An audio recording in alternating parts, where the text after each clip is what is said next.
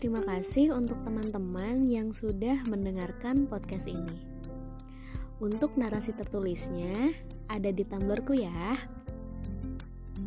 Yang penasaran kenapa namanya karakterusi? Karena ingin yang anti mainstream. Karakterusi adalah hijau toska dalam daftar istilah bahasa Indonesia tahun 1984. Oke deh, nantikan episode selanjutnya. Salam, Dini.